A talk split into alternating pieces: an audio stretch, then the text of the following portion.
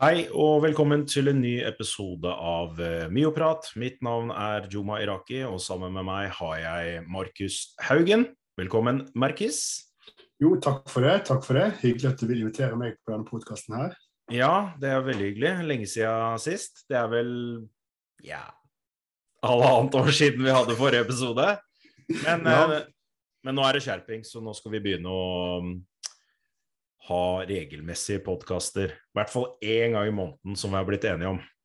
Ja, jeg tror vi skal klare å holde oss en gang i måneden. Jeg tør ikke love noe mer enn det. Nei, jeg er helt enig. Men før vi begynner med dagens episode, så er det greit å nevne at uh, denne episoden og podkasten vår, den finner du på iTunes, Soundcloud, uh, Stitcher, Spotify og YouTube. Jeg tror jeg fikk med alle da. Det tror jeg også. Det var i hvert fall ganske mange. Ja.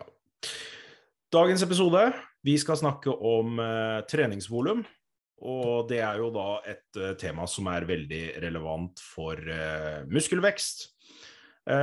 så kan ikke du begynne å forklare litt sånn overordna hva man ser er viktige mekanismer for muskelvekst, Markus?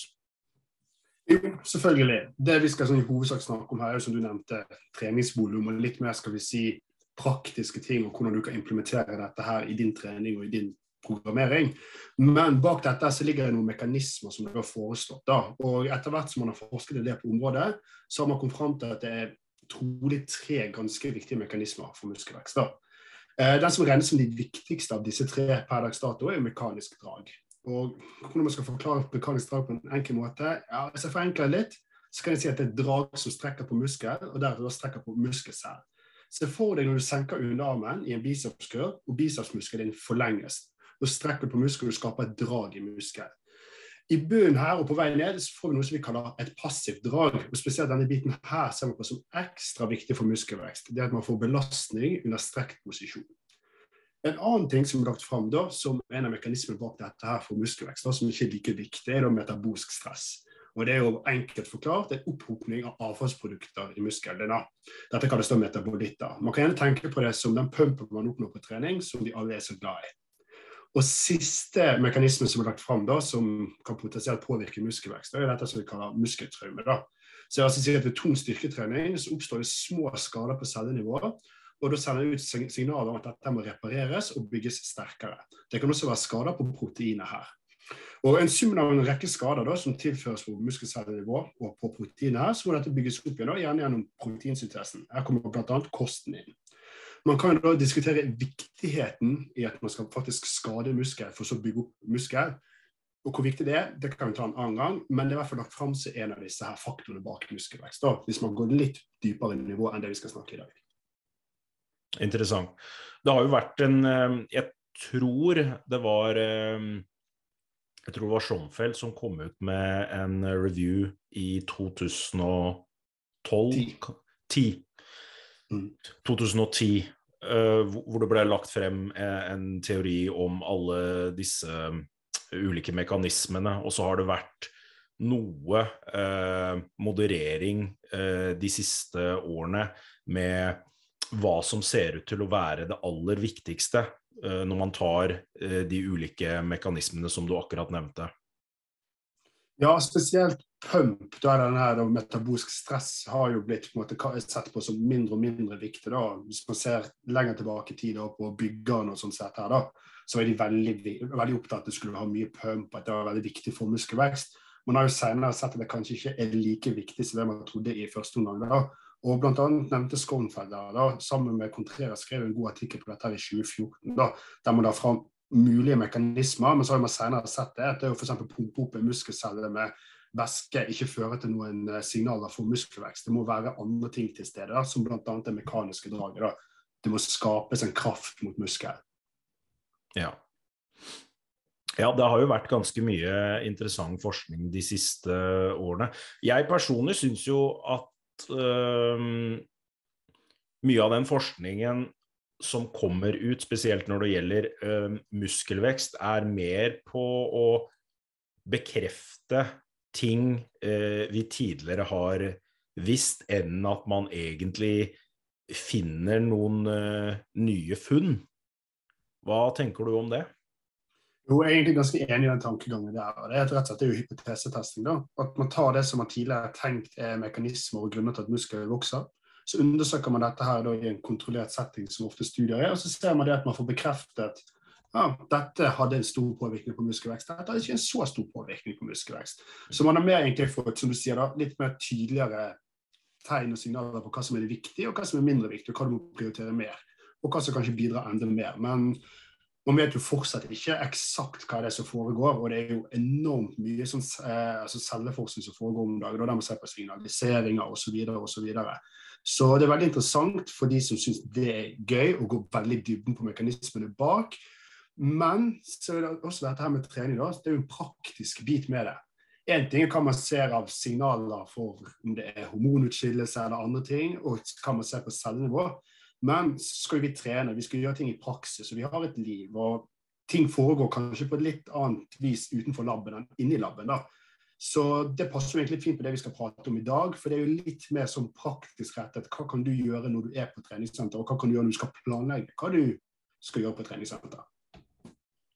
Ja, jeg tror jo det er litt av Altså, vi, vi som driver eh, med forskning og er interessert i, i, teorien bak ting. Uh, jeg tror uh, Jeg tror der kanskje folk gjør feil av det, er at det blir veldig mye uh, teori uten at man kanskje nødvendigvis tenker hvordan kan man applisere dette i praksis, eller bruke det i praksis. fordi til syvende og sist så er det jo det man er opptatt av. Jeg sitter jo ikke og leser forskning Eh, fordi jeg syns det er veldig gøy. Jeg, for å være helt ærlig, syns jo det er dritkjedelig å sitte og lese, lese, studier, men jeg ser på det som en eh, nødvendighet for å kunne fornye meg, holde meg oppdatert og, eh, og bruke det i praksis, da.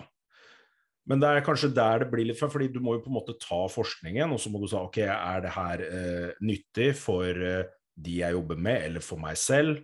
Eh, hvordan kan jeg forenkle kommunikasjonen på dette, og hvordan kan jeg bruke det i praksis? Som er det vi teknisk sett skal snakke om i dag, relatert til uh, muskelvekst.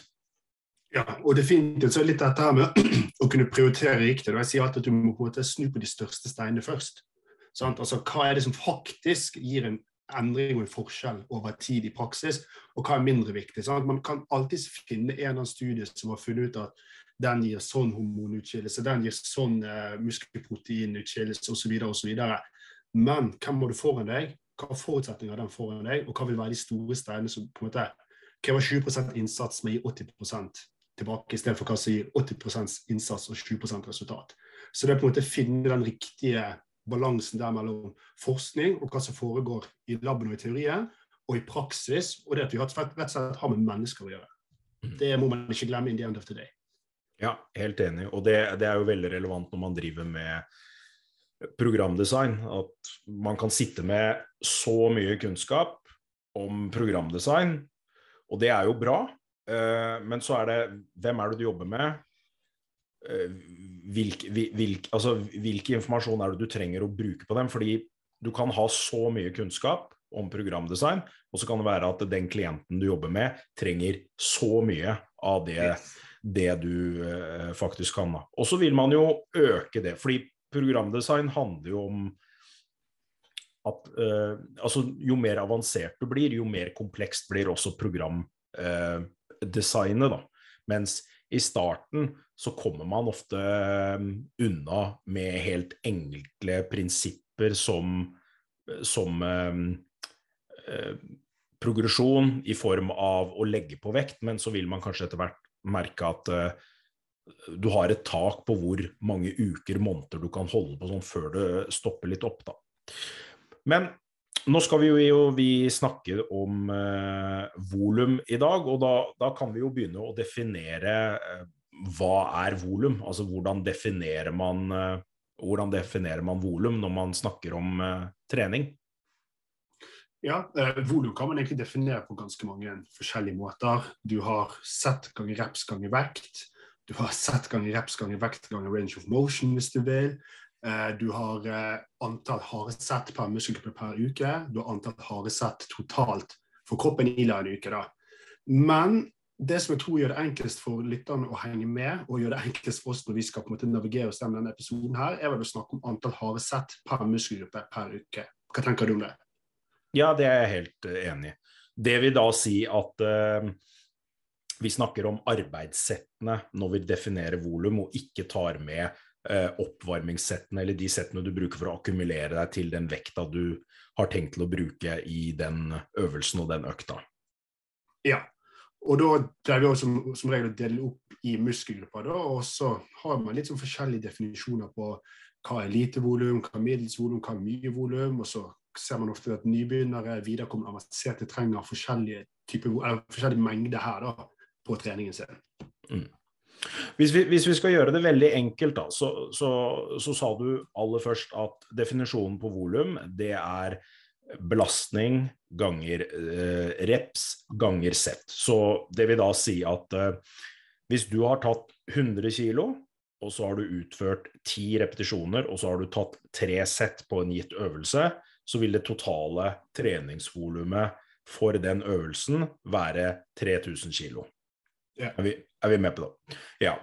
Og så ser man at eh, når det gjelder eh, muskelvekst, så ser man at eh, denne komponenten er jo da ganske viktig for muskelvekst, men fordi du da har disse ulike variablene som er med på Fordi hadde jeg lagt til et sett, eller hadde jeg tatt flere repetisjoner, eller hadde jeg tatt mer belastning, så ville jo volumet gått opp. Men jeg tror kanskje volum blir eh, misforstått blant mange, fordi jeg har jo hørt flere som sier hvis du skal øke volum, så, så, må du ta flere sett. Eller hvis du skal øke volum, så må du bare eh, fortsette å øke belastningen. Men er, nå har vi jo på en måte tre komponenter her som er med på å avgjøre eh, definisjonen på volum, som det også vil si at du har tre ulike variabler du kan justere på for å eh, øke det totale volumet. Hva, hva, betyr det i praksis når du har de tre komponentene du kan eh, jobbe med? Det betyr jo egentlig at du må ta hensyn til alt hele veien. da. Og Du nevnte f.eks. det med at noen mener at du skal øke volum i form av sett. Og Det er jo bl.a. blitt gjort veldig populært fra Renaissance Periodization, som snakker om dette at du må bevege deg fra det de kaller minst effektive volum opp til det meste volum du kan hente deg inn fra. da. Det som kunne være negativt med å legge på sett fra uke til uke, er at du får en ganske stor prosentvis økning i volum, som kan være litt vanskelig å hente seg inn etter. Jeg bruker veldig veldig sjelden den strategien både for meg selv og på kunder. fordi at, som jeg nevnte, Det blir veldig stor prosentvis økning fra uke til uke. De få gangene jeg bruker det, er hvis man trener seg opp etter skade eller har vært lenge vekke fra trening og gradvis trapper opp til der man har vært tidligere. Jeg er mye mer tilhenger at man bruker dette med at man enten øker i vekt eller øker i uh, repetisjoner. Man kan òg gjøre begge deler. Det vil selvfølgelig komme an på individet.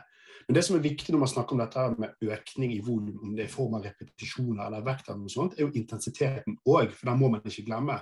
For som du nevnte innledningsvis, er jo det arbeidssett vi snakker om. Og Hvis du tar det eksempelet litt om at man tok tre sett, 100 kg, 10 repetisjoner, som var 3000 kg, da, og så la du på to repetisjoner, så gjorde at det ble 3200 kg.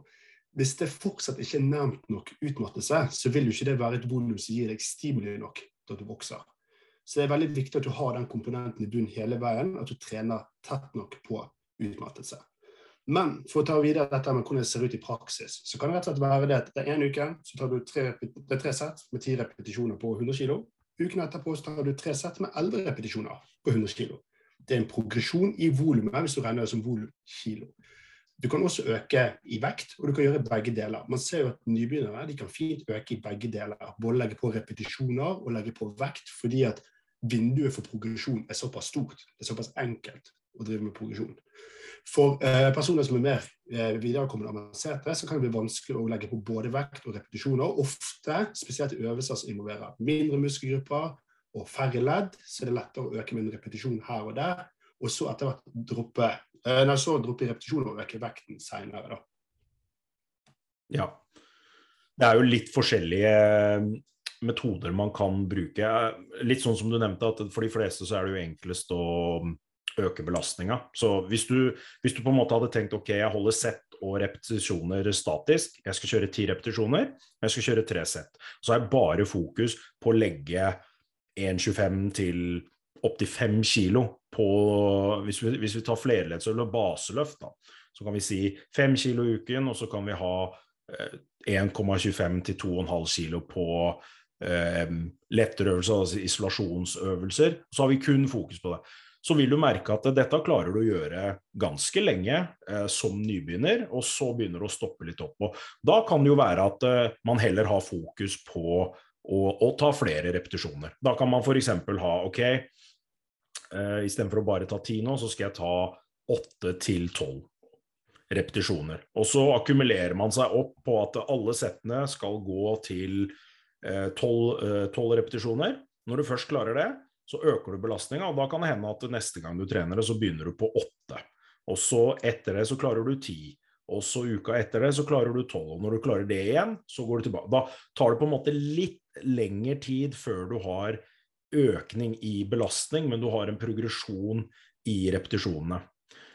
Og så vil man etter hvert kanskje også merke at det også blir vanskelig, og da vil det jo være mer aktuelt å kanskje tenke på skal jeg ta flere sett for å akkumulere et større, større volum. Så da kan det være at uh, hvis du tar uh, en belastning, altså si 100 kg, og så skal du ta ti repetisjoner, når du da klarer alle tre settene, så kanskje legger du til et sett neste gang. At du, du klarer fire. Og når du klarer fire sett med ti repetisjoner, så legger du et sett til. Da har du fem.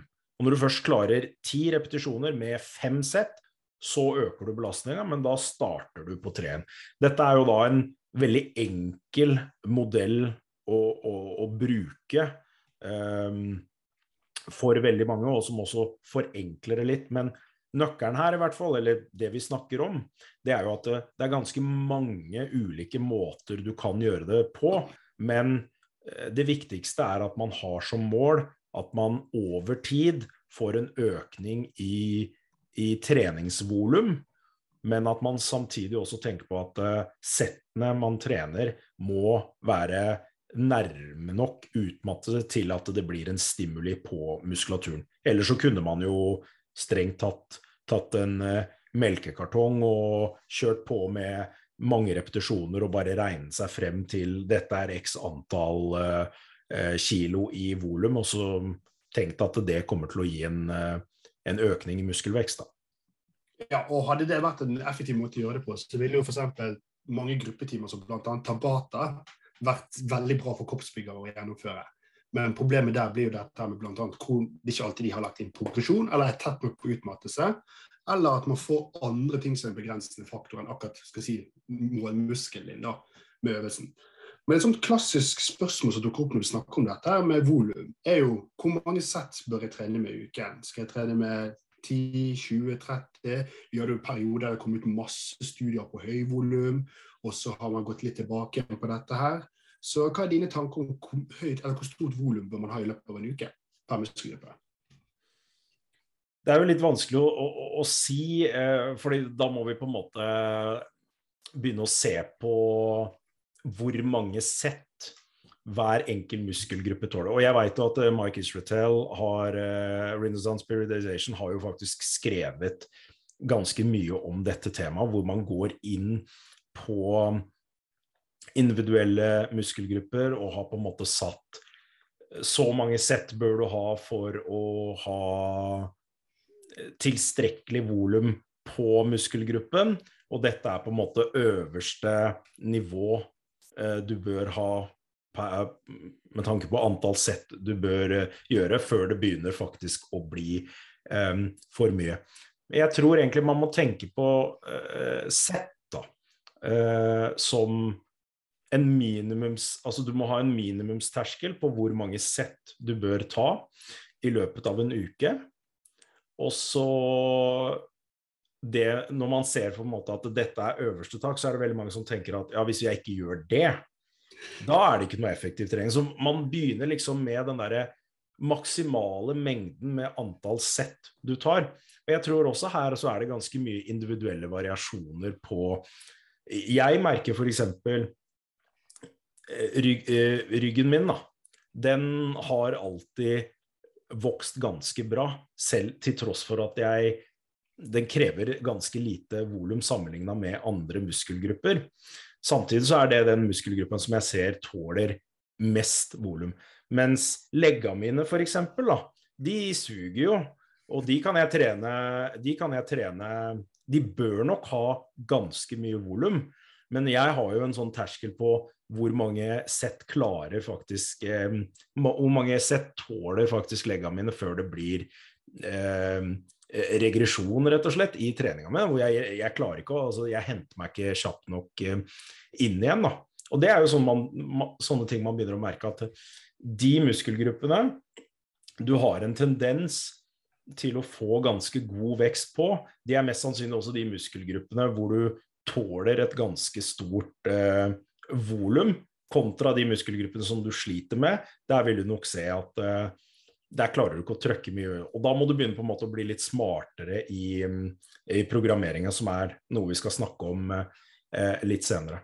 Men nå kom det vel, hvis jeg ikke husker helt feil, så kom det vel ut en, en studie fra James Krieger, en, eh, en review for ikke så lenge siden, hvor de snakket nettopp om dette med eh, treningsvolum og hva som var eh, Kom ikke den ut i år, eller var det, det vinteren 2021?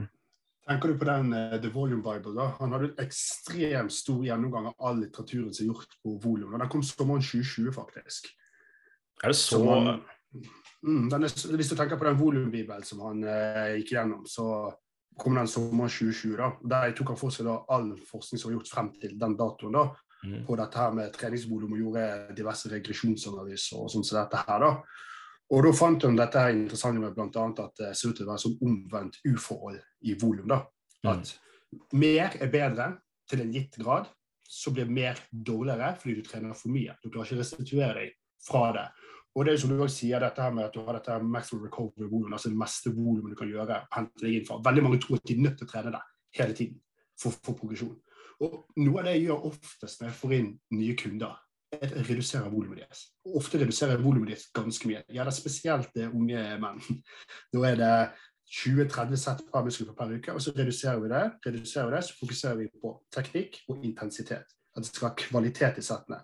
Og Da ser man plutselig at man kommer får mye bedre resultater med halvparten og til og med en tredjedel av det volumet man har hatt tidligere. Og Jeg har jo selv vært gjennom den runden der med at jeg trener med mye mindre volum nå enn jeg gjorde for flere år siden. Og jeg får bedre resultater nå. Så man kan gjøre for mye. Og så er det store spørsmålet hva er for mye? Det som du sa også, ekstremt, ekstremt individuelt. Og det er òg forskjeller innad i muskelgruppene innad hos en person, som du også nevnte. Så For min del så merker jeg det at treningen krasjer helt hvis jeg går over ni sett i uken på bryst. Da sliter jeg med at jeg har mye støl i brystet, jeg klarer ikke å hente meg inn, og rett og slett jeg får regresjon i treningen. Mens f.eks. Eh, quadsen min, altså framside da, de tåler opp mot 20 sett i uken og jeg har fortsatt godt med progresjon, og jeg klarer å hente meg inn igjen. Så her må jo man eksperimentere over tid. Og jeg har jo etter hvert med, som tiden har gått, blitt litt sånn tilhenger av lavvolum høyintensitetstreningen. da. Så jeg sier jo ofte at man kommer veldig langt hvis man har høy kvalitet i treningen sin med 6-12-13-14 sett per muskelgruppe per uke. Og da er det sikkert noen som steiler litt på ikke det er litt lite. Min erfaring tilsier at hvis du trener godt med høy nok kvalitet, så er ikke det litt lite. Litteraturen indikerer jo på at 10-20 sett per muskel per uke pleier å være en sweet spot for de aller, aller fleste. Noen kan og bør gå litt høyere, og noen kan og bør gå litt lavere. Sånn? Variasjon. Jeg vet ikke hva du tenker om det. Ja, jeg er faktisk helt enig, fordi nå, nå, har jo jeg nå har jo jeg prøvd eh, litt forskjellige ting. Akkurat nå så nå, jeg, nå, er jeg på uke tre, hvor jeg egentlig kjører en straight out uh, Jeg vil ikke si bro-split, men jeg kjører en firesplitt. Og, og på papiret så kjører jeg på en måte muskelgruppen én gang i uka. Um, og det er mer fordi um, nå er jeg 35 år. Jeg merker at uh, med Jeg skal ikke si at uh, Jeg skal ikke bruke det som en unnskyldning, men jeg tror jeg tror arbeidsvolumet mitt, altså jobben min, har så mange stressfaktorer. Så selv om jeg er nøye med søvn, så, så merker jeg at uh, ved å trene veldig høyt volum, så får jeg ikke den progresjonen som jeg ønsker i treninga. Og da snakker jeg ikke nødvendigvis om muskelsøvn, det er rett og slett ehm, jeg tror det rett og slett er ledda og bindevevet som ikke klarer å restituere seg kjapt nok. Så det jeg faktisk har gjort nå, er dag én brystbiceps, dag to bein og legger, dag tre skuldre og triceps og dag fire rygg.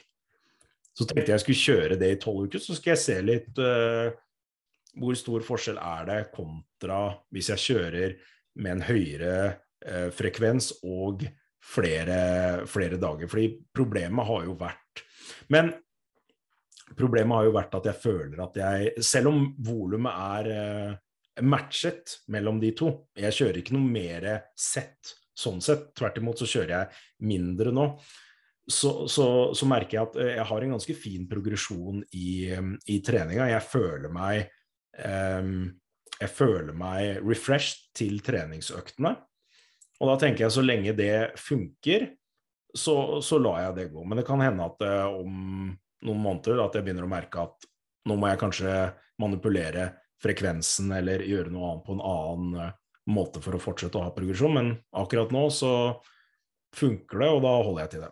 Men det jeg skulle si er at eh, på papiret så ser det ut som det er en gang i uka, men jeg har jo en del overlappende øvelser på de ulike dagene som, som gjør at muskelen blir nok nærmere trent to ganger i uka med tanke på hvilke øvelser jeg faktisk har valgt inn i treningsprogrammet. Eksempelvis hvis du trener bryst på dag én, og så trener du skulder og triceps på dag tre, og så har du med smalbenk og bred dips, for eksempel, så, så vil du jo få eh, brysttrening også på eh, dag tre. Du klarer på en måte ikke å isolere eh, tricepsmuskulaturen såpass mye i de øvelsene. Så hvis du er litt sånn smart med hvilke øvelser du faktisk velger, eh, så, så, så, kommer du nærmere en frekvens på, på, to, selv om det på papiret ser ut som en, en splitt. Da. Ja, og en ting som jeg, jeg synes er viktig å dro fram der, da, som jeg bare backtracker litt, er dette med at du sier at akkurat nå har du såpass mye stressfaktor i hverdagen med tanke på jobb og dette, så da gjør du endringer. Og man ser jo ofte at man tåler mindre volum hvis man enten sover lite eller stresser mindre. Sant? Man kan få en økt skaderisiko. Det har man sett i studier f.eks. på studenter som er i eksamensperioden. Høy stressfaktor, man sover kanskje mindre, sitter og leser hele dagen, mye som skjer. Da bør man roe ned på mengden trening. Og man ser jo dette at minimum effektiv volum, altså minst treningsmengden for å få progresjon, og ikke minst vedlikeholdsmengden, er ekstremt, ekstremt lav. Man ser jo f.eks. i studien fra Bickel sin studie fra 2011, da, så ser man det at en tredjedel av normalt volum er nok til å få progresjon. Og en niendedel gjorde at du klarte å beholde mesteparten av eh, muskelveksten du hadde fått når du trente med vanlig volum. Og da snakker vi veldig, veldig lite. Og jeg tror at for de aller, aller fleste, hvis de har, er litt fornuftige i utvalget sitt, to økter i uken full kropp med høy intensitet, så kan veldig mange bygge, men alle kan bevare muskelmassen sin på så lite styrketrening. Gitt at man selvfølgelig sover godt og spiser godt med både proteiner og kalorier generelt sett. Da. Så juster også gjerne volumet ut ifra hvordan livet er ellers. Mye stress, lite søvn. Juster ned mengden. Har du lite stress, du kan sove mye, du har god tid til trening, kan du justere opp mengden. Så du bør ha dynamisk forhold til dette. Absolutt, og jeg tror det er en sånn Jeg tror ikke folk eh, kalkulerer det inn i um, restitusjonstid. Man tenker ofte hva kan jeg gjøre med søvn, hva kan jeg gjøre med kost, hva kan jeg f.eks. gjøre med kosttilskudd for å optimalisere restitusjonen, men så er det liksom Har du har du en krevende jobb, har du familie, har du barn Det kan være mange stressfaktorer som du Dette får du ikke gjort noe med. Dette er hvordan situasjonen din er, og så må du tilpasse ut fra det. Og her er det ganske, Du nevnte dette med studiet som, eh, den studien som ble gjort på amerikanske college fotballspillere, hvor man så at eh, under eksamensperioden så var det en mye høyere forekomst av skader. Men det finnes også en studie den husker jeg faktisk ikke hvem som har eh, Men det er en studie hvor de, de gjorde dette på syklister. Hvor de standardiserte, eh, de standardiserte kosthold. Eh, også, jeg tror faktisk det var en, en crossover-studie, som betyr da at det er, det er samme gruppa som gjør to ulike tester. Så det er liksom, de, de fungerer som sin egen kontrollgruppe. da. Så det de gjorde der, det var at uh, de fikk Den ene gangen så fikk de eh, se på mm, TV-serier, altså komedier, i to timer. Og så syklet de til utmattelse. Og den andre gangen så måtte de løse matematiske krevende arbeidsoppgaver i to timer, og så syklet de til utmattelse. Når de gjorde eh, matteoppgavene, så inntraff tid til utmattelse mye kjappere enn da de så på komediene. Selv om kostholdet var standardisert. Og det har nok noe med at eh, når du tretter ut hjernen altså Selv om du sitter på ræva hele dagen og ikke har gjort noe fysisk, men det å sitte med krevende arbeidsoppgaver for hodet ditt vil jo gjøre at hjernen blir sliten. Og mest sannsynlig det som skjer da, det er at eh, hjernen din klarer ikke å fyre på samme måte. altså Du klarer ikke å få de, den samme um, nervesignal for å få um, den um, eksplosiviteten i muskulatur, for du vil ofte merke at det, her er det noe som er litt off når du er, når du er sliten. Så det er også en ting man må kalkulere litt inn når man, når man snakker om dette med restitusjon og eh, eh, treningsvolum. Vi, vi, snakket jo litt om dette med hvor ofte du bør um, trene en muskel, og så sa jo jeg at um, per, da, altså, per, nå så trener jeg muskelen bare én dag i uka, i hvert fall på papiret, og tenkte ja, jeg skulle teste én gang i uka, eh, sånn sett. Og så har det jo kommet Det har jo vært veldig populært i ganske mange år å trene muskelen eh, to ganger i uka, tre ganger i uka, opptil seks ganger i uka. Er det jo noen eh, eh, treningseksperter som eh, fortsatt eh, favoriserer at man har et ganske høyt en ganske høy frekvens på, på hvor ofte du trener en muskelgruppe. Men, men hva er det egentlig forskninga sier på dette området? Ja, Det er jo blitt gjort en metaanalyse på området. da, og Der så de det at to ganger i uken det var bedre enn én gang i uken. Den var da statistisk signifikant til fordel for to ganger i uken da, på muskelvekst. Men over to ganger i uken så har ikke man funnet noen fordeler eller ulemper enda. Men her kommer jo da inn en del andre ting. da, altså ja, Dette med hvor praktisk kan være. Så generelt sett så er det bare sånn to ganger i uken er bedre enn én. Mer enn to ganger i uken, it depends. Sånn som For min egen del så gjorde jeg et, minieksperiment på meg sjøl. Trent bein to ganger i uken i fem år. Og så har jeg funnet at jeg trenger litt mer fokus på bein, for jeg ønsker at beina skal begynne å gro litt mer. Så gikk jeg over til å trene bein tre ganger i uken. Da kunne jeg øke volumet litt på det totale volumet på bein, men volumet innad i en økt ble lavere. Istedenfor å ha fem-seks beinøvelser per økt, så har jeg nå tre beinøvelser per økt. Som gjør at jeg føler meg mer uthvilt til hver eneste øvelse, og jeg holder ikke på like lenge jeg har fått gode resultater ved å øke frekvensen fra to til tre ganger på bein. Men det var fordi jeg tillot meg mer volum med høyere kvalitet og intensitet. Så der ser man hvordan frekvens kan brukes for å manipulere andre ting. Så frekvens alene er ikke noe magisk. På en måte på lik linje som kanskje intensitet og volum, som faktisk har en direkte rolle på muskelvekst. Mens eh, frekvens skal brukes for å gjøre at intensiteten kan tilpasses bedre, eller volumet kan tilpasses bedre. Så min anbefaling er ofte at hvis du har et veldig høyt volum i treningen din, så kan det være fordelaktig med en høyere frekvens. Fordi at La oss si du skal trene ja, 18 sett i uken da, med, eh, med, bryst. Så kan det for noen være litt mye å dele det bare i to og ha ni sett mandag og ni sett torsdag. For når man begynner å komme til sett nummer syv, åtte og ni, så er man egentlig helt utspritt, så man bare gjør det for å gjøre det. Så går utover kvaliteten. Hvis man switcher om til en frekvens på tre ganger i uken, så får man tre dager med seks sett i uken. Da er man mer fresh, og man kan være mer på på alle disse seks arbeidssettene. Generelt så ser man det at volum innad i en økt per muskelgruppe pleier å ligge på en sånn terskel rundt 8-9-10 sett. Så man bør ikke overskride det så veldig mye. altså Antall sett for én muskelgruppe på én økt. 8-9-10 er ofte sweet spoten for de fleste. Men uh, personlig så er jeg glad i å kunne ha litt mindre mengde, kunne konsentrere meg mer og gi mer kvalitet i de settene jeg gjør på trening. Om man går over til fire, fem og seks ganger i uken, som er veldig høyfrekvent, da bør man passe på volumet innad per økt og intensiteten innad per økt. For trener du framside lår fem dager i uken, det er godt å utmatte seg fem dager i uken. Det er heavy for kroppen, og det er heavy for beina dine. Det kan bli litt vel mye, og du vil kunne få overlappende trøtthet. Så du tar med deg trøttheten fra mandag inn til tirsdag, fra tirsdag inn til onsdag. Så akkumulerer det utover uken, som gjør at kvaliteten mest sannsynlig vil synke på slutten av uken. Så her ser man hva som skjer når plutselig frekvensen går veldig opp, så bør kanskje intensiteten gå litt ned. Så ting henger veldig sammen her. Man, ikke, man bør ikke isolere volum, frekvens og intensitet helt fra hverandre, for de påvirker hverandre direkte i en eller annen grad. Jeg er helt enig. Og hvis man skulle brukt bare et sånn eksempel fra ikke nødvendigvis trening, men uh, hverdagslige ting, da. La oss si du har vært på Hageland, da, og så har du kjøpt uh, 30 sekker med, med, med, jord fordi du skal drive og stelle i hagen din, og så har du dem i bilen. Du ville nok merket Du ville fortsatt gjort det samme arbeidet hvis du Altså, du ville gjort det samme arbeidet hvis du hadde tatt alle de 30 sekkene og flytta dem en og samme dag til hagen din.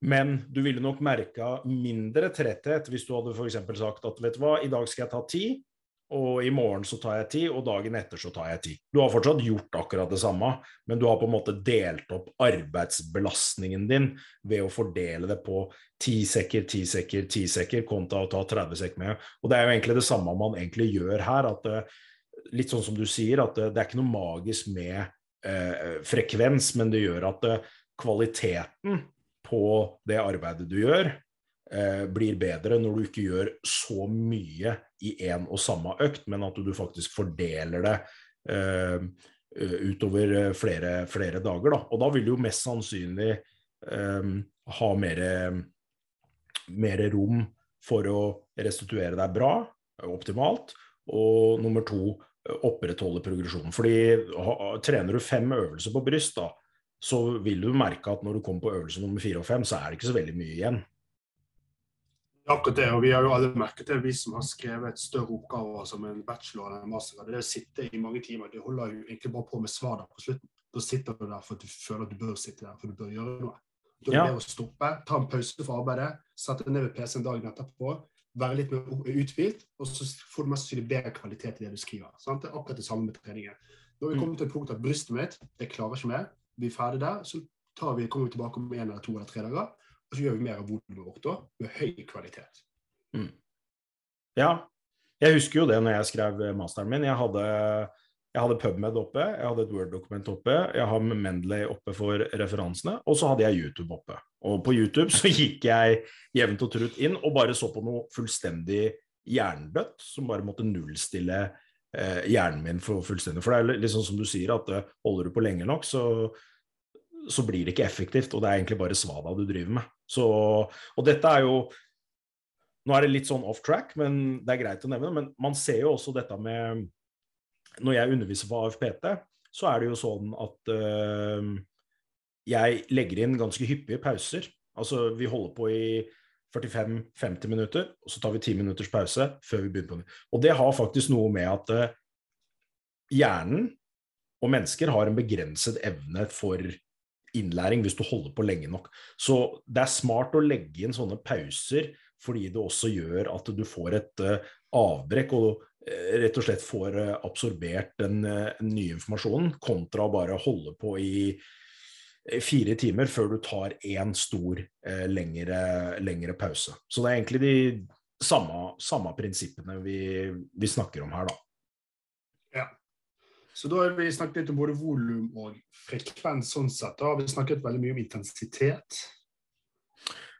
Uh, jeg, tenkte, jeg, tenkte, vi kunne snakke om uh, vi, har, vi, har, jo nevnt litt dette med intensitet når vi nevnte i stad at uh, man bør jo ha settene ganske nærme opp til, til failure. Men før, før, vi, før, vi, snakker om det, vi, vi bør kanskje nevne litt uh, dette med um, repetisjoner, rep range. For der, er det jo, mm. der har det jo vært snakk om i ganske mange, eller veldig lenge egentlig, at uh, for muskelvekst så bør du trene seks til tolv repetisjoner. Hvis du trener under seks repetisjoner, så er det for styrke. Og hvis du trener over tolv repetisjoner, så er det for uh, utholdenhet. Men uh, så har jo det vist seg å ikke stemme akkurat. Ja, man har snakket om den der uh, hypertrofi-sweet spoten, da. Og som du nevner, at dette med for trene med over 12 eller 15 repetisjoner er det vi kaller muskulær utholdenhet. Muskulær utholdenhet er et begrep jeg ikke er så veldig fan av, for det er et sånn vagt begrep. Hva legger man egentlig inn i det? Men det man har sett da, når man har begynt å se på dette her med altså såkalt high low versus low load, og sånn som dette her, er jo det at muskelvekst kan oppnå på lik linje mellom 5 og 30 repetisjoner per sett. Nøkkelen er bare at du tar det tett nok på utmattelse. Så sånn overordnet Ta en øvelse, tren mellom 5 og 30 repetisjoner per sett. Tar du det tett nok på utmattelse, så skal du få samme muskelveksten gjennom hele dette spekteret. For styrke, som da er en spesifikk ferdighet med tanke på bl.a. nervesystemet, så bør du også trene en del med under fem repetisjoner per sett for å få opp denne biten her. Men er hovedmålet ditt er maksimal muskelvekst, 5-30 repetisjoner per sett er greit. Men det man også har kanskje lagt fram som en sånn hypotese her, er jo det at vi har jo type 1 og type 2 muskelfibre. Eh, der type 1-fibrene er utholdende, og de type 2 er de mest eksplosive. Da har man tenkt at de utholdende muskelfibrene de får mer muskelvekst ved å ligge på høyt repetisjonsintervall. Og de større, mer eksplosive muskelfibrene får mer muskelvekst når man ligger på et lavere repetisjonsintervall. Der var det en metaanalyse som fant ingen forskjell her, men det var en svak trend mot at lavrepetisjoner var fordelaktig for begge fibertypene. Og man ser jo også i en oversiktsartikkel som fant at 5-30 repetisjoner ga lik muskelvekst, at det var en svak trend mot lavere repetisjonsintervall. Og med lavere her så mener jeg 5-12 repetisjoner per sett. Denne svake trenden var da ikke statistisk signifikant, så jeg kan ikke si at det er bedre enn det andre. Men så har vi en praktisk bit i dette her. For det å bare kaste ut 20 repetisjoner på en hvilken som helst øvelse, det er ikke bare bare. Uh, hvis noen programmerer 20 repetisjoner i markløft eller knebøy, syns jeg synd på den som skal gjennomføre det. For det, det, kommer ikke jeg til å gjøre, for å si det sånn. Så man har jo en bit her også med at hvilken øvelse du gjennomfører, dikterer egentlig hvor du vil ligge på repetisjonsintervallet. Mellom 35 eller jeg går veldig sjelden over 20 repetisjoner per sett. For det er veldig smertefullt der oppe, og vi er dårlige til å vurdere vår evne på hvor nærmt utmattelse vi er. Så for at vi skal bli litt flinkere, så bør vi ligge litt lavere. Og da sier jeg ofte det at store flerleddsøvelser, baseøvelser, fem til ti repetisjoner, kanskje opp mot tolv i noen tilfeller. Og så kan resten ligge fra åtte til ti repetisjoner opp mot 20. Så f.eks. For, for beintrening, da. For framside lår så kan en knebøy være fem, seks, syv repetisjoner per sett. En hexsquat åtte, ni, ti, elleve, tolv repetisjoner. Og leg extension 12 til 15. Da har man på en måte dekket det viktigste intervallet med forskjellige typer øvelser som er tilpasset litt mer dette repetisjonsintervallet. For trener du med veldig høyt repetisjonsintervall på f.eks. hekskåt eller en knebøy, så er det ofte for pusten som tar deg. Eller en knebøy, så kan korsryggen være det som gir opp først. Eller du får en teknisk svikt, konsentrasjon. Mens en relativt enkel øvelse, så det er leg extension, er der du bare sitter og sparker ut beina, så er det mye lettere å opprettholde konsentrasjon, og det er mye større sjanse for at det er framside lår som er den begrensende faktoren, og ikke pust, teknikk, balanse, stabilitet, whatever, som spiller inn på litt mer eh, komplekse øvelser. Så øvelser dikterer litt repetisjonsintervallet. For de aller fleste 5 15, noen ganger opp mot 20, mer enn godt nok på et repetisjonsintervall for maksimal muskelvekst. Og igjen, hvis man er dårlig til å vurdere hvor tett på utmattelse man er, som de aller, aller fleste er, så bør man ikke bevege seg så veldig mye opp mot 20-25-30 repetisjoner. For da da blir det vanskelig, for da begynner det å brenne, og så er det andre ting som vi får det til å gi opp før egentlig muskulær tretthet. da. Mm. Det er jo greit å uh, Bare for å si det sånn, da. Hvis coachen din hater deg, eller er et ordentlig rasshøl, så setter han opp 30 repetisjoner på bulgarsk utfall. Da, da vet du at det er et eller annet som ikke stemmer. Da bør du få pengene tilbake. Da bør du få pengene tilbake. Ja, helt enig. Ja, ja. ja. Nei, eh, jeg er helt enig i det du, det du sier. Um, det blir jo mer naturlig på en måte å holde ting altså Stort sett så faller jo repetisjonen innenfor 6-12, så det er jo ikke helt feil kanskje det som har blitt uh, sagt, men uh, det er kanskje mer den der at uh, det blir så svart-hvitt, da. Det er akkurat det samme ja. som vi snakket i stad om dette med med treningsfrekvens, hvor man ser at to ganger i uka er bedre enn én en gang i uka. Det er ikke dermed sagt at én ganger i uka ikke gir noen resultater. Altså Tvert imot så, så har jo eh, Schonfeld eh, bl.a. Det nevnes jo også i studien at eh, man, får, man, kan få ganske eh, signifikant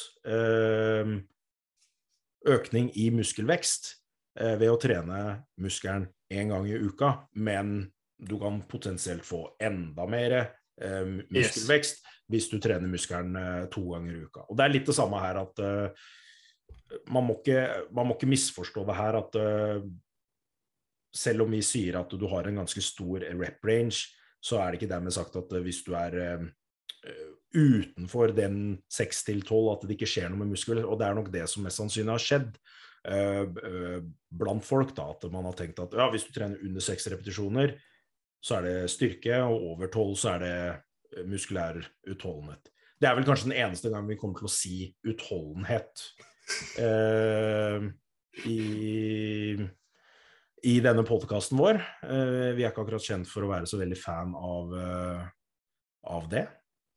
Nei, altså hvis du skal lære mer om utholdenhet og kondisjon, og alt sånt, så kan jeg love deg én ting, at det har du gått feil.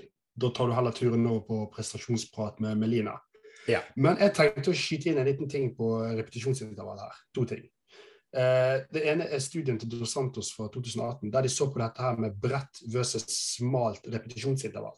Og med det mener jeg at Den ene gruppen hadde alt treningen sin mellom 8 og 12 repetisjoner, relativt smalt eh, repetisjonsintervall.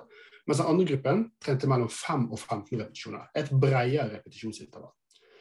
Overordnet så, så man det var lik muskelvekst mellom begge gruppene, men gruppene som hadde et bredere repetisjonsintervall, dvs. Si at de trente fra 5 til 15 istedenfor 8 til 12, de hadde en trend mot mer muskelvekst, og spesielt i underkroppen.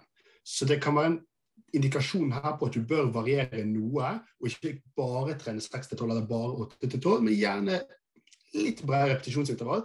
Spesielt hvis du har trent en stund og maksimal muskelvekst er hovedmålet ditt. Du ønsker å gjøre alt du kan på gymmen for å bygge mest mulig muskler. Da vil jeg kjørt et litt bredere repetisjonsintervall. Andre studien jeg ønsker å nevne, det var det at du sa med at man, mange tror at med en gang du kommer under fem-seks repetisjoner, så er det bare styrke du får, og ingen muskelvekst. Her gjorde jo Contreras og Skånfeldt en ganske bra studie. da. Der er det én gruppe som hadde tre sett med syv repetisjoner, om jeg ikke husker feil og en annen gruppe som hadde syv sett med tre repetisjoner. Så det vil altså si at de hadde en gruppe som trente utenfor denne såkalte hypertrofiskolen. Det man så, det, det var jo lik muskelvekst mellom gruppene. Men den ene gruppen som trente med syv sett tre repetisjoner, var mye lenger på trening. Det tok mye lengre tid. Fordi at du får færre Du har jo mindre volum per sett når du har bare tre repetisjoner. Da må du kompensere med flere sett. Så hvis du ser på det, hvis du da tracker tilbake helt denne volumbiten vi snakket om innledningsvis, har du veldig få repetisjoner i et sett, så må du gjøre flere sett for å gjøre opp for det tapte volumet i hermetegn innad i settet. Vi har jo bl.a. en teori som heter effektiv reps-teorien. Uten at vi skal gå i dybden på den der, så er det litt sånn hvis du har altså det er De siste fem-seks repetisjonene før utmattelse som er de mest effektive. Bl.a. med Hennemann-prinsippet og litt sånne ting som dette her. Da er det full aktivering av motorenheter og litt sånn som det. Hvis du da ikke har fem-seks repetisjoner i settet totalt, da får du ikke fem-seks effektive repetisjoner inn i settet. Hvordan får du flere da? Jo, da må du gjøre flere sett. For har du en gruppe som gjør syv sett med tre repetisjoner, så er det 21 repetisjoner totalt. Og en annen gruppe som gjør tre sett med syv repetisjoner, så er det 21 repetisjoner totalt. Så du kan få det samme effektive, det tar bare lengre tid, og du må kompensere med mer volum. Så for å bare summere det opp, jeg anbefaler et litt bredere repetisjonsintervall hvis du ønsker maksimal muskelvekst, og det er hovedmålet ditt. Og trener du for å få mer styrke på kjøpet, bl.a. nevrale tilpasninger med færre enn fem-seks repetisjoner, så bør du kanskje legge på et sett her og et sett der for å kompensere for tapt volum. Det kan enten være i den spesifikke øvelsen, så la oss si du trener benkpress med tre repetisjoner, så kan du legge på flere sett beinpress. eller du kan kompensere med ekstra sett på pekdeck eller flies eller noe sånt senere i økten. Veldig bra. Og det, og det, er jo også kanskje greit å nevne den studien fra Schoenfeld og Contreras når de sammenligner dette, at uh, de som med, sy, eh, de som trente med mm, høyere intensitet og syv, uh, syv sett, de uh, hadde jo betraktelig lengre restitusjonstid også. Yes. som også er en sånn faktor man må kalkulere inn da, for det totale treningsvolumet for, for um, uken. Vi snakket jo litt om dette med mm, intensitet, og hva, hva, er det vi mener når vi sier intensitet? Altså hva, innenfor styrketrening, da, hva er, vi, hva er det vi, snakker om da? Snakker vel sånn veldig enkelt om objektiv eller subjektiv intensitet. da. Altså Intensitet kan jo være sånn objektivt sett, kan jo være vekt på stangen. 105 kg en høyere intensitet enn 100 kg. Uh, og det blir ofte viktigere hvis man trener for maksimal styrke, for da er det en viss spesifikk belastning man ønsker. Så jo mer subjektiv intensitet. Det er mer hva du oppfatter og hvordan du tolker gjennomføringen din. da. Og Da deler man det ofte opp i RPE, altså Rating Perceived Exertion. da, altså Hvor hardt følte du det settet var på en skala fra 1 til 10? da, bare for å forenkle det veldig. Selve RP-skalaen brukes jo mer i styrkesammenheng, mens i muskelvektsammenheng så bruker vi RIR, eller repetisjoner i reserve. Og Da er jo intensiteten høyere jo færre repetisjoner du har i reserve. Så om jeg gjør 100 kg og har én repetisjon i reserve, så er det høyere intensitet enn om jeg gjør 100 kg med fire repetisjoner i reserve. For jeg belaster ikke kroppen like hardt. Så hvis vi tar med oss den videre, da, så ser man det at generelt sett så bør man ligge fra tre til fire repetisjoner i reserve og hele veien til utmattelse for å få robust hypertrofi. Nybegynnere de kan få muskelvekst på fem, seks, sju, åtte, ni repetisjoner i reserve fordi at det er en ny stimulus til kroppen. Så ja, tre-fire repetisjoner i reserve til null er der du bør ligge når det kommer til uh, robust hypertrofi. Og så er det litt sånn Det er øvelsesspesifikt hvor nærmt utmattelse du skal være. Og så mener jeg også det er spesifikt ut ifra hvor du er i treningssyklusen din, men også volum- og frekvensbiten. For å gå tilbake der og se hvordan alt henger sammen. Ofte så ser man det at eh, volumintensitet er omvendt proporsjonalt. Går volumet ditt opp, så bør ofte intensiteten gå ned. Går volumet ditt ned, så bør ofte intensiteten gå opp. Så det vil altså si at i praksis, hvis du er i en periode der du må trene mindre om det er tidsmangel eller andre ting, så bør du trykke litt hardere til på settene dine. For du må gjøre opp for mangel på mengde, men at du i hvert fall trener hardt nok og gir ekstra stimuli og får flere av disse effektive repetisjonene som jeg nevnte kort. I andre perioder der du ønsker høyvolumtrening, du har tid til høyvolumtrening du vil så kanskje intensiteten senkes noe. Så det er en komponent. Det andre er jo dette med hvor du er i en treningssyklus. Så La oss si du har en treningssyklus på fem-seks uker før du tar en deload, dvs. Si en uke med redusert treningsbelastning. Så kan det ikke, ikke alltid så hensiktsmessig å gå til utmattelse i uke én og uke to. Spesielt ikke på alle øvelser. For det som skjer da, da begynner du å akkumulere veldig mye fatigue, tretthet, tidlig i mesosyklusen din, treningssyklusen din, så du drar med deg videre.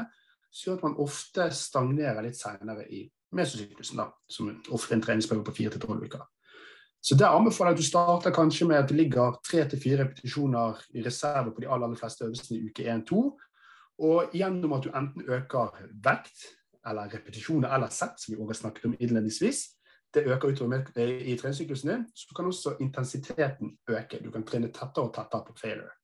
Og la oss si du vet at uke åtte så deloader du. Da kan du pushe til utmattelse i uke syv. For du skal uansett ha mindre treningsstress uken etterpå. Og siste poenget der som jeg kom på nå i farten, det er dette med øvelsesspesifikt. En knebøy ikke alltid hensiktsmessig tar helt utmattelse, Og flere grunner. Det kan være en slags skadekomponent i det, med tanke på at man kan falle, man kan få stangen over seg. og som dette her. Og Spesielt uerfarne bør ikke ta komplekse øvelser til utmattelse. Eh, knebøy er òg en øvelse som belaster veldig mye av kroppen sant? setemuskulaturen, framside lår, korsryggen. Så gjør at du får veldig mye belastning spredt utover en større del av kroppen. Da kan det kanskje være hensiktsmessig at knebøyen går fra fire repetisjoner reserve til én repetisjon reserve i løpet av treningssyklusen. Mens en mer isolerende øvelse som låsfork eller leg extension kan gå fra tre repetisjoner reserve og hele veien til utmattelse.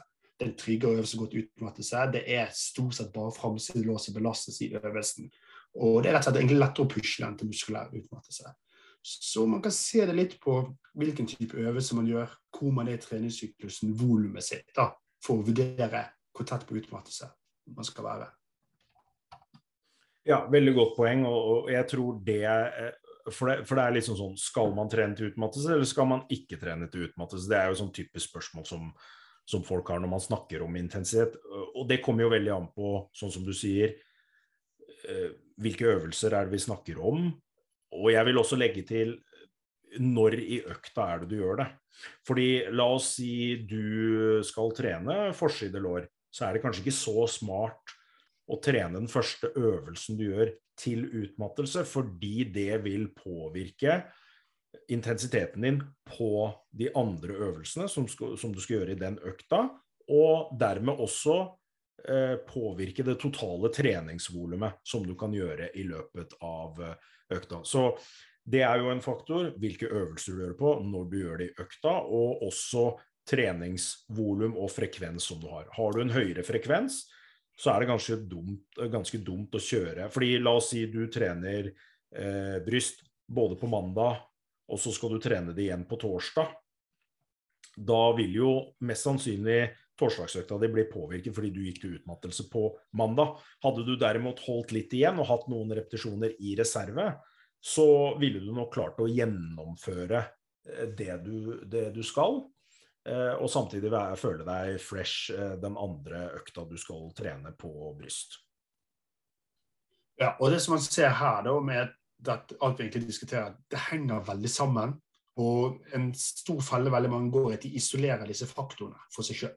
Og så setter man det opp til en sånn eh, være eller ikke være-tankegang, rett og slett. Enten er det utmattelse, eller så er det ikke utmattelse. Enten er det skal det være høy eh, frekvens eller lav frekvens. For det ene skal være bedre enn det andre.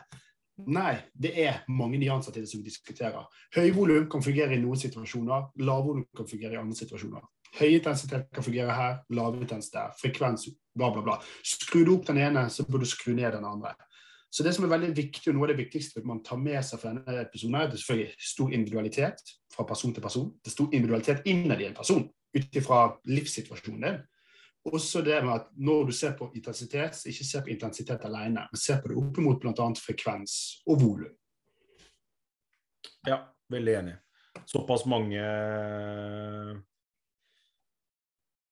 Det er såpass mange variabler man kan justere, justere justere på da, for å få progresjon. Man må på en måte tenke mye eh, bredere. Men som vi snakket om innledningsvis, jo mer avansert du er, jo mer komplekst blir også programmeringa. Jeg vil jo skyte inn dette med utmattelse. Altså en veldig enkel måte eh, du, du Bare for å oppsummere det du sa i stad. En veldig enkel måte f.eks. Å, å ha um, hvordan du kan bruke dette med reps i reserve og trening til utmattelse, er Si du har fire uker hvor du har en treningsblokk, og så tenker du at uh, på uke én så har jeg tre repetisjoner i reserve.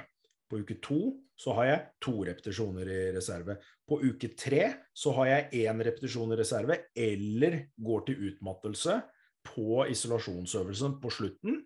Og den fjerde uka så deloader man. Man tar eh, betraktelig lavere treningsmål i en uke, og så begynner man på nytt igjen hvor man har tre repetisjoner i reserve. På den måten så, så, klarer du på en måte å programmere inn hvor hardt du trener, men det blir verken for mye eller for lite.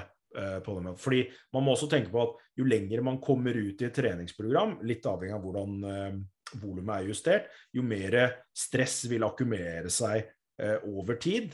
Og Det er jo derfor vi også bruker uh, Nå vet ikke jeg hva du gjør, men jeg er jo veldig fan av å bruke programmert eh, deloads.